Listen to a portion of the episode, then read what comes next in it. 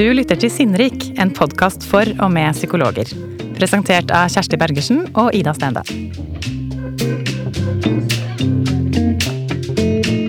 Når psykologen tar imot en ny pasient på poliklinikken, har pasienten ofte ventet lenge. Endelig skal han eller hun få hjelp. Av en ekspert. Psykologen, på sin side, har lært at endring skjer i et samspill og at pasientens autonomi er avgjørende for å få det til. To nokså ulike utgangsposisjoner. Pasienten lener seg tilbake, psykologen lener seg frem. Dette er en situasjon som flere nyutdannede psykologer vi har snakket om Nei, snakket om. ja da. Dette er en situasjon som flere nyutdannede psykologer vi har snakket med, forteller at de ofte befinner seg i. Og så har de spurt oss om vi kan lage en episode hvor vi tematiserer nettopp dette med oppstart av terapi. Hvordan etablere et felles prosjekt med pasienten? Og hvordan unngå at man tar for mye ansvar for pasientens endringsprosjekt? En som vi vet har tenkt mye på disse spørsmålene, er psykologspesialist Didrik Hegdal. Didrik kjenner vi fra arbeidet han har gjort ved Blakstad sykehus med å utvikle basal eksponeringsterapi. Et behandlingstilbud som legger stor vekt på autonomi og hvordan vi kan mobilisere pasientens ressurser. Velkommen hit, Didrik. Tusen takk. Og jeg har lyst til å bare ta opp tråden litt fra det scenarioet som jeg skisserte her i starten, Didrik. Er dette et kjent scenario for deg? Eh, absolutt. Eh, og jeg, tenk, tenker at det gjelder i hele Altså i alle deler av tjenesten. De der utfordringene med eh, Ja, eh, eh, det som jeg tenker på som det er med at man eh, har kanskje en idé om at man skal møte personen som en likeverdig person og vektlegge autonomi. Men så kommer man inn i en rolle som hjelper, og så er det gjerne noen prosedyrer og noen sånn systemkrav. Og så er vi jo mennesker, og vi føler på et ansvar. Eh, og så blir det kanskje ikke så veldig mye autonomi. Selvstendighet. Og, da, og så er det noe med det at kanskje én måte som jeg hører mange si da, at kan være en måte å prøve å nærme seg dette på og kanskje løse noe av dette problemet, er å avklare noen forventninger i starten. Oppstarten av et eh, terapiforløp. Mm. Eh, at jeg som terapeut kan si noe om mine forventninger og prøve å få mm. klarert eh, pasientens forventninger til hva som skal skje. Mm. Er det en måte å gå frem på, tenker du? Eh, ja, absolutt. Eh, men sånn, altså, alle psykologer kjenner jo til det der med relasjon og arbeidsallianse. Altså, sånn, først etablerer vi en relasjon, og så eh, Eller kanskje også parallelt en arbeidsallianse. Og det, der ligger det jo en avklaring av hva man skal jobbe med. Og hva som er mine oppgaver, og hva som er dine oppgaver. Og, så, og ideelt sett altså skal, skal jo en terapiprosess være pasientens prosjekt, der eh, terapeuten er en coach og veileder. Eh, men så blir det ofte ikke sånn, da. At, eh, at det er pasienten som For pasienten har jo fått informasjon om at den kan få behandling, motta behandling. Ikke sant? Sånn at eh, altså hele dialogen vi har om Eller samtalene vi har om terapi i vårt samfunn, de, er den eh, omtaler pasienten som en hjelpetrengende, eh, som en passiv aktør, eh, terapeuten som en aktiv aktør. Eh, der eh, ansvaret for at det her skal være nyttig og meningsfullt for pasienten, ligger hos terapeuten. Mm. Eh, og så har vi det der med eh, risikovurderinger. Altså eh, risiko, eh, suicidalitetsrisikovurdering, voldsrisikovurdering og sånne ting, som, som, på en måte er et ansvar som ligger i fanget til eh, terapeuten. Og det ansvaret kjenner nok folk veldig godt. Mm. Eh, ikke minst dem som jobber i, i poliklinikk. Mm. Jeg har lyst til å komme tilbake til det med ansvar, for det tror jeg er innmari viktig. Men hadde, det var noe jeg hang meg opp i, som du sa nå i stad, og det var dette med at vi, språket vi bruker Ja.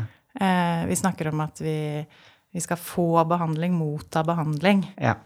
Eh, og bare der så, så skjer det kanskje noe med, med dette med maktforholdet og Mm. klusser til autonomien lite grann. Men, det sånn, men det er sånn vi snakker om eh, altså, behandling i, i vårt samfunn.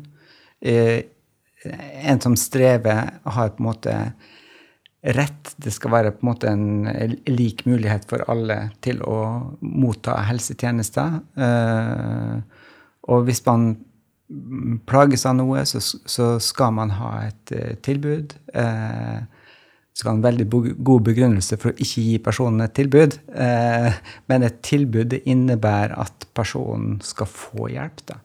Det snakkes sjelden om eh, terapi som en mulighet til å jobbe med seg sjøl. For det kunne vært et alternativ. Ja, vi, vi har det liksom i, i den derre eh, selvutviklingsperspektivet. Når vi snakker om selvutvikling, men da snakker vi gjerne om, om et slags sånn luksussjikt eh, blant pasienter. da. De som har mulighet til å gå i privatpraksis og få coaching og sånne ting som det der. Og det er liksom noe annet. Da, er man liksom, da oppsøker man gjerne en tjeneste for å jobbe med seg sjøl. Men eh, den som har kjørt seg fast i livet sitt, da, trenger jo også å jobbe med seg sjøl. for da, for da eh, Personen har det jo vondt og slitsomt fordi at eh, personen ikke har et liv som er i samsvar med det som personen egentlig ønsker. Altså, Man gjør jo så godt man kan. Man er jo motivert hvis man oppsøker en behandlingstjeneste. Så vil man jo noe. ikke sant? Men vi har nok et språk, en måte å snakke om det der på, som gjør at personen blir unødig passiv, og at vi får en ansvarsfordeling som kanskje ikke optimal i forhold til en fungerende helsetjeneste. Så hvordan, hvordan kan da dette begrepet autonomi bli meningsfullt da, for oss innenfor de, eh, den eh, konteksten vi er i i dag? Kan vi, hvordan kan vi forstå det? Vi vet jo at autonomi er så viktig for å få til endring. Eh, det er jo sånn, et sånt fint ord, eh, og det som alle andre fine ord, sånn som eh, Nå hørtes jeg litt sarkastisk ut når jeg sa det. eh, empati, eksempel. Vi er jo empatiske, sant? Vi vektlegger autonomi, ikke sant? Eh, jeg skriver veldig mye om autonomi. autonomi altså det er jo gjennomgangstema i hele, i den boka som jeg skrev om bærekraftig psykisk helsevern. Eh, og, og det slo meg da, da, eh, da det kom så omtale av boka da, i Tidsskrift for Norsk Psykologforening, eh, så var det som om eh, Det var sånn eh, all, all behandling handler jo om autonomi. Eh, så liksom her eh, hadde jeg tatt litt for hardt i, da, mente den, som skrev omtalen. da. Eh, men det med bærekraft eh, på individnivå og på samfunnsnivå, det var ikke nevnt med ett ord i omtalen. Så liksom, mitt inntrykk var liksom at personen har ikke catcha hva autonomi handler om. Altså fordi at hvis, hvis du faktisk skal ha en eh, behandling som eh, ikke bare fremmer autonomi altså Selvfølgelig hvis en person blir mindre plaga, mindre hemma, så vil personen kunne ha et høyere funksjonsnivå, og da også være mer autonom. Men eh, det der med autonomi i behandling, eh, det der med at pasienten møtes som et likeverdig menneske, og at det er det, det mellommenneskelige, at man møtes på en måte i øyehøyde. da. At man faktisk er likeverdig i behandlingssituasjonen. Eh, at man ikke er en ekspert som snakker ned til pasienten. Eh, og når jeg sier det her nå, så, så vet jeg at ingen vil si at man snakker ned til pasienten, men det ligger på en måte i systemet og i kulturen vår at vi gjør det. Se f.eks. på det med medisinfritt tilbud. Det hadde aldri vært noe av medisinfritt tilbud hvis det ikke eh, brukerorganisasjonene hadde stått opp og skreket seg hese sant? og vært tett på han Bent Høie. Og du ser eh, store deler av fagfeltet er mot den dag i dag medisinfrie tilbud som ble etablert i 2016. Så liksom det med autonomi det er fryktelig tungt og vanskelig i fagfeltet. Men hvis vi da skal se litt på hvordan vi kan få til dette med å være i øyehøyde ja. med pasienten um, Litt mer sånn på individnivå, eller mellom da behandler og, og pasient. Um, kan du komme med noen eksempler på hva det vil si? Hva man kan konkret gjøre?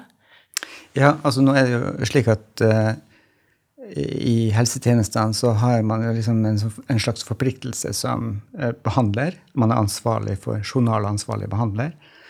Eh, så, og så har man gjerne noen prosedyrer man skal følge, man skal ha noen utredninger. ikke sant? Sånn at liksom Posisjoneringa sånn i forhold til øyehøyde, da, den er allerede forstyrra, gjerne. Mm. Eh, I inngangen til en behandling. Mm.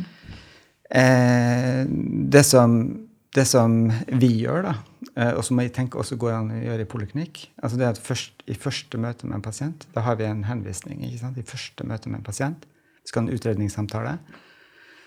Så holder vi opp henvisninga og sier vi, her har vi noe informasjon. Eh, den trenger vi ikke nå, for den, den, har vi, den er ikke viktig.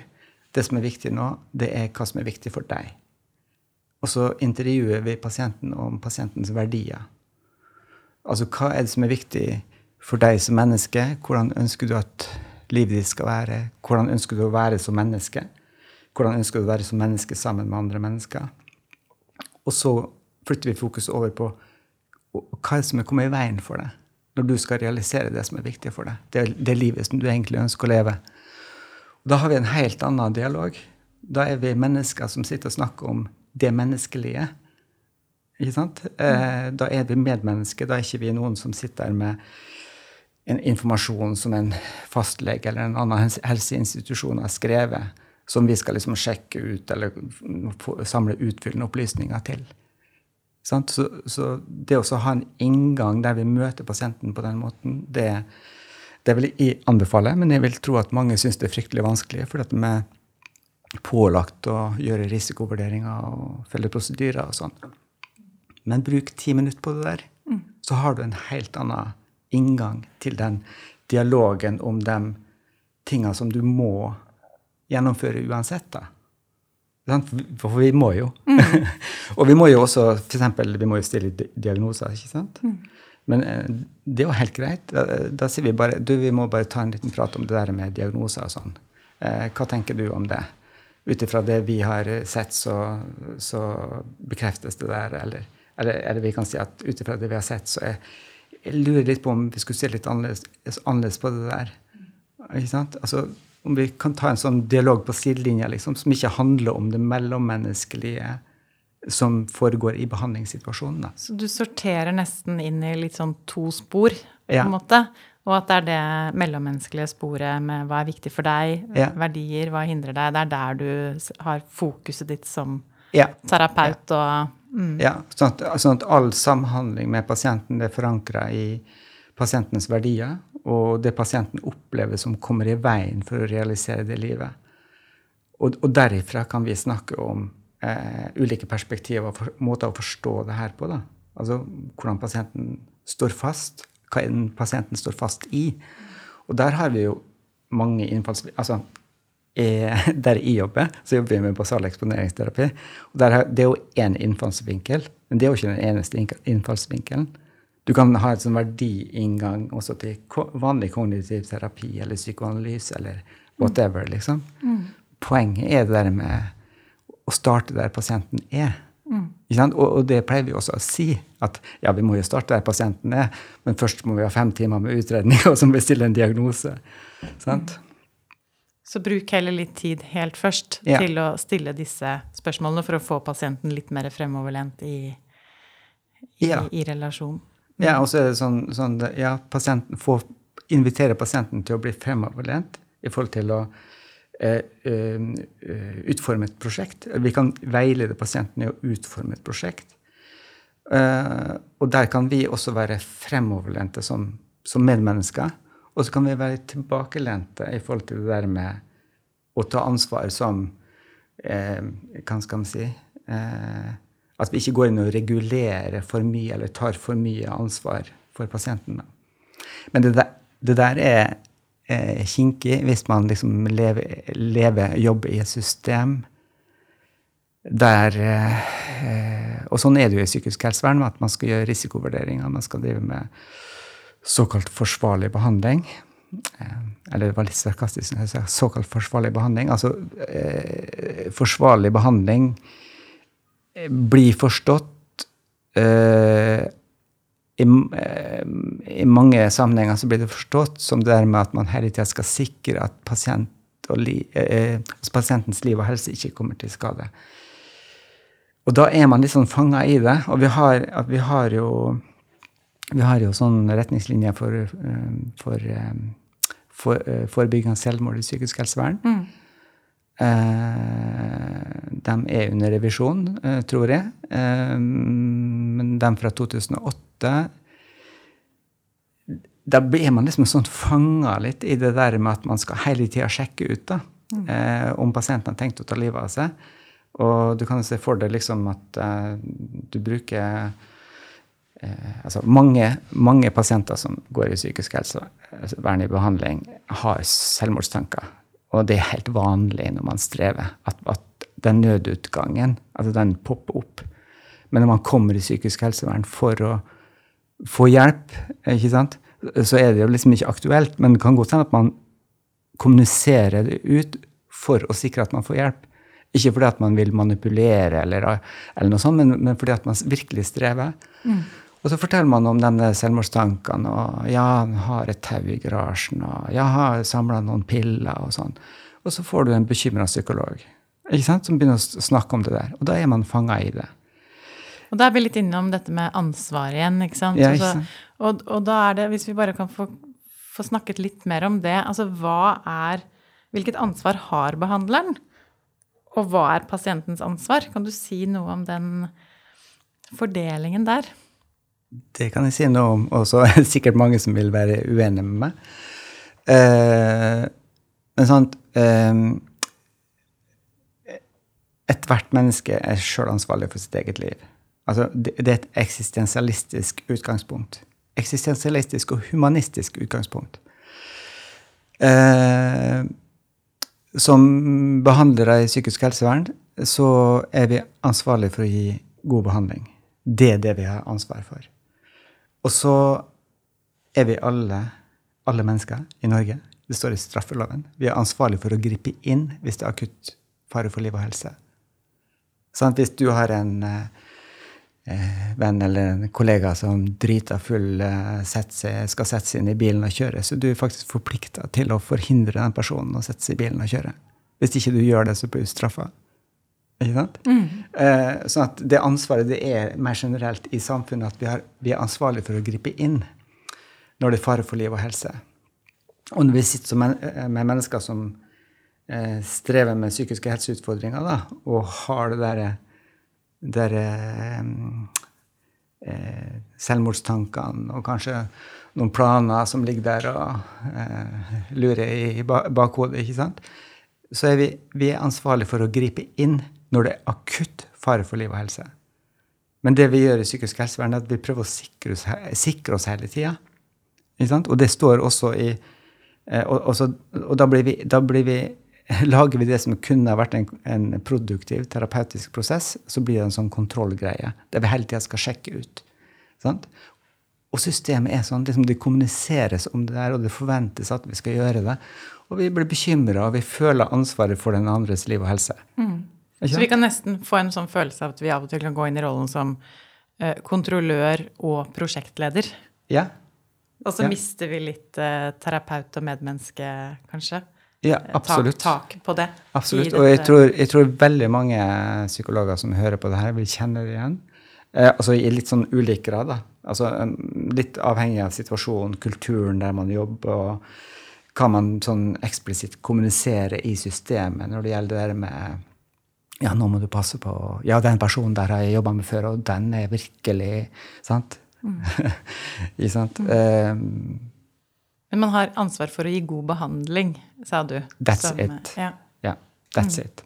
og så gripe inn da, hvis det er akutt fare for liv og helse. Og det betyr akutt, det betyr umiddelbar.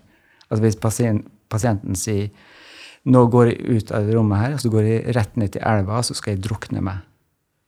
Sant? Altså, hvis personen gjør det, så er du forplikta til å gripe inn. Hvis, hvis personen sier at den gjør det.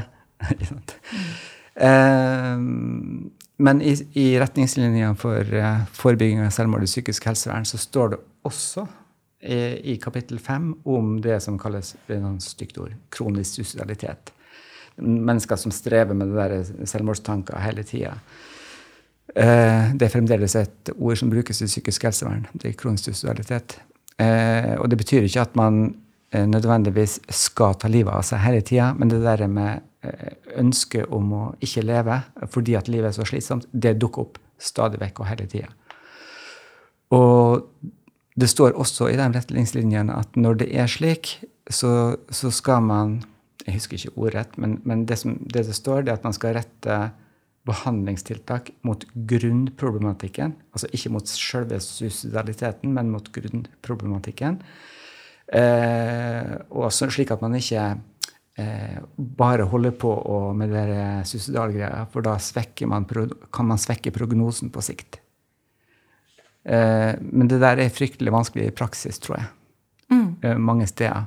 Men det er, en, det er nok en sånn eh, Det er både en kulturell Det er nok en personlig greie. For det, det, er noen som kanskje føler enda mer på det ansvaret og blir veldig bekymra for å gjøre feil. Og sånne ting som det der. Og det blir fryktelig slitsomt. Og så er det også en kulturell greie. altså Lokalt på arbeidsstedet. Hva slags kultur man har rundt det. Og så har vi et samfunn som hele tida forteller det er så og så mange selvmord i psykisk helsevern. Det går ikke an. sant? Altså, Nå må vi få mer kontroll på det her. ikke sant? Ja. Med ansvar er egentlig et ganske sånn interessant og stort tema yeah. i seg selv. Yeah. Uh, og det for den enkelte terapeut, da, og kanskje særlig de som er ganske ferske og nye og kommer inn i dette systemet, mm. og, og, prøve å reflektere litt kanskje sammen om hva, hva har jeg ansvar for? Ja. Jeg har ikke ansvar for hele livet til pasienten, men prøver liksom å gi god behandling?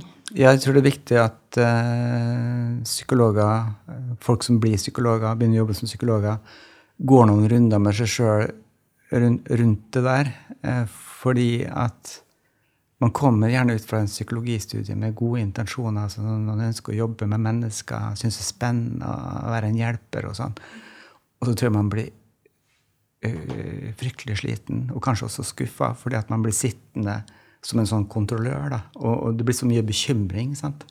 Um, og det er ikke sunt i lengden å holde på sånn som det der. Jeg har lyst til å gå litt tilbake til uh, der vi startet uh, med uh, denne situasjonen hvor man, en kanskje ganske fersk psykolog, henter en, sin første pasient, og pasienten mm. setter seg litt sånn tilbakelent i stolen og litt sånn avventende.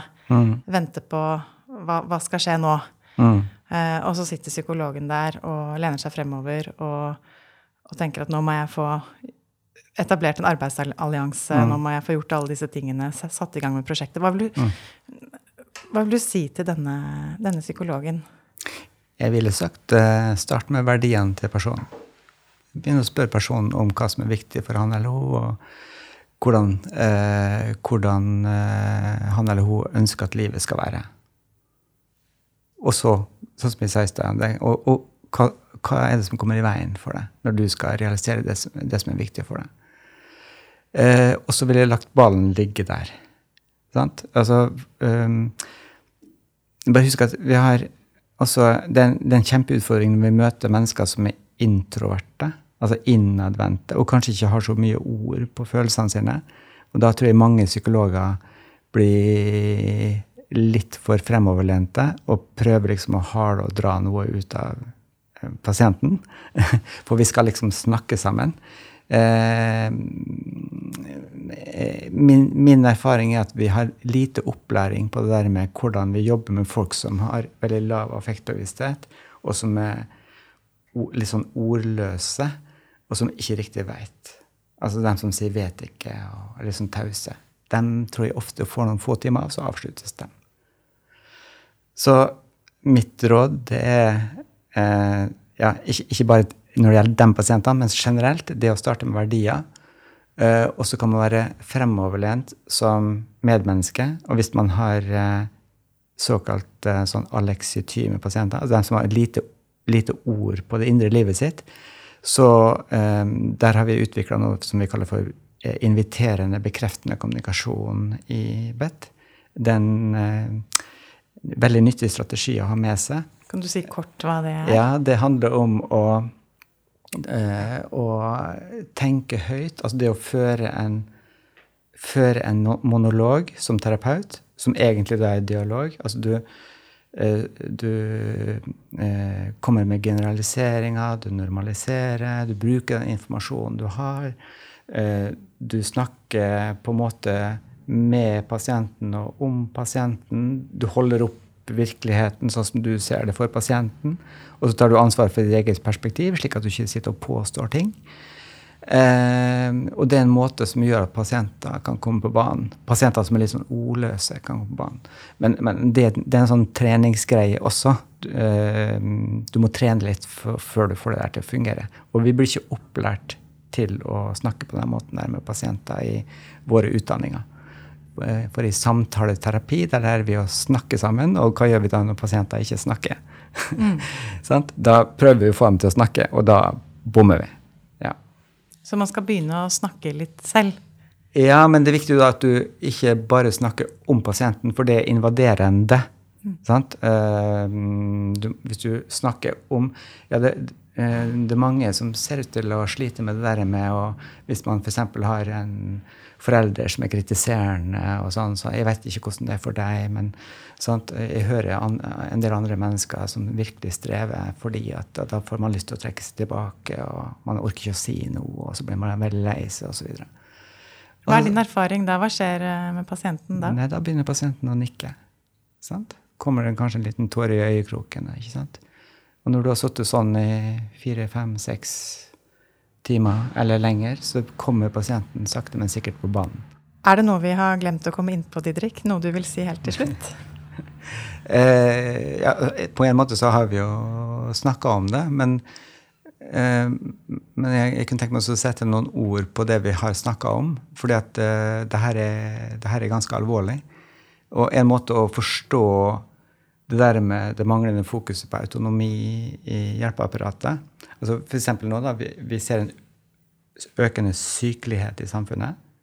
Vi trenger mer og mer helsetjenester innenfor psykisk helsevern. Vi hørte nå at uh, Kjerkol skulle sette i gang en opptrappingsplan osv. Så, uh, så vi har, vi har et, en kjempeutfordring i psykisk helsevern. Uh, men det er ikke det at det er for lite tjenester, og at folk blir sykere. Eh, vi fratar folk autonomi. Og når vi fratar folk autonomi, så blir folk også mer hjelpeløse. Så man kan si at det er en klimakrise i psykisk helsevern. Vi fortsetter å gjøre mer av det samme. Altså sånn der med, Vi må slutte å slippe ut CO2. Vi er seint ute allerede. Det er en kjempeklimakrise. Jorda blir varmere, så vi må skynde oss. sant? Eh, men eh, helsepolitikerne ser ikke det der i psykisk helsevern. Det der med at vi driver og fratar mennesker autonomi. Der har vi en kjempeutfordring. Eh, fordi at folk blir angivelig sykere. Jeg vil påstå nei. Vi har et problem når vi skaper et større behov for psykisk helsetjenester. Folk blir mer avhengige og mindre autonome.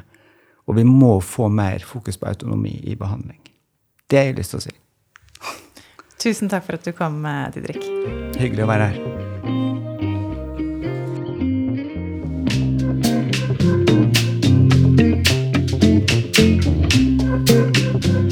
Du har hørt en episode av Sinnrik, en podkast fra Gyldendal. Dagens gjest var Didrik Hegdal. Produsent var Andrea Krüger. Musikken var Johannes Amble. Og programleder har vært meg, Ida Stendal. Om du vil fordype deg mer i tematikk vi tar opp i Sinnrik, finner du lesetips og anbefalinger på sinnrik.no. Og følg oss gjerne på Instagram Sinnrik podkast. Takk for at du hørte på.